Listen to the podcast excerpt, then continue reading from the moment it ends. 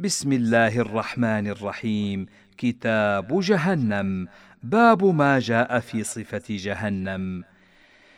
حدثني عن مالك عن أبي الزناد عن الأعرج عن أبي هريرة أن رسول الله صلى الله عليه وسلم قال نار بني آدم التي يوقدون جزء من سبعين جزءا من نار جهنم فقالوا يا رسول الله إن كانت لكافية قال إنها فضلت عليها بتسعة وستين جزءا.